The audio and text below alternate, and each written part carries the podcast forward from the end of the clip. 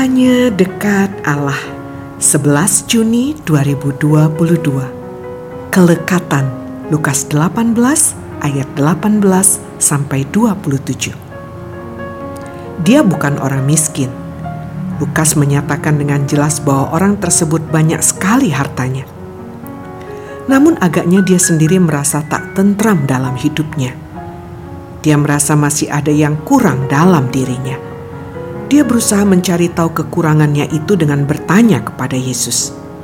Dengan penuh antusias, dia datang kepada Yesus dan bertanya, "Guru yang baik, apa yang harus aku perbuat untuk memperoleh hidup yang kekal?"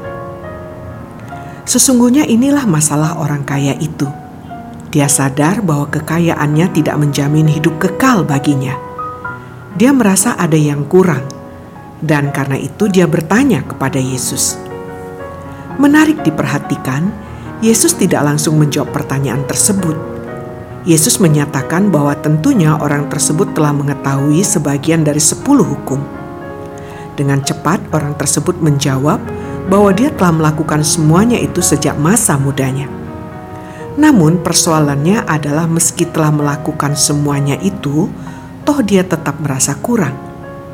Yesus lalu memintanya untuk menjual hartanya dan membagikannya kepada orang miskin.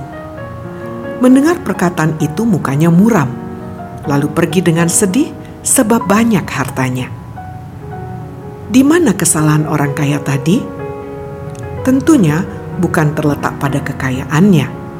Kekayaan atau harta milik merupakan sesuatu yang netral pada dirinya sendiri.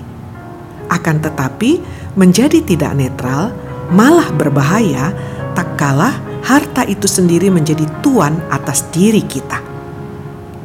Tidak salah menjadi orang kaya, tetapi menjadi masalah tak kalah kekayaan itu malah membuat kita terikat kuat kepadanya. Demelo punya istilah yang bagus untuk hal ini, yakni kelekatan. Kelekatan erat kepada sesuatu akan membuat seseorang menjadi jauh dari Allah dan ketika itu terjadi, hidup kekal tidak akan pernah dicapai. Bukankah kekekalan itu sendiri merupakan jati diri Tuhan? Salam semangat dari kami, literatur perkantas nasional. Sahabat Anda bertumbuh.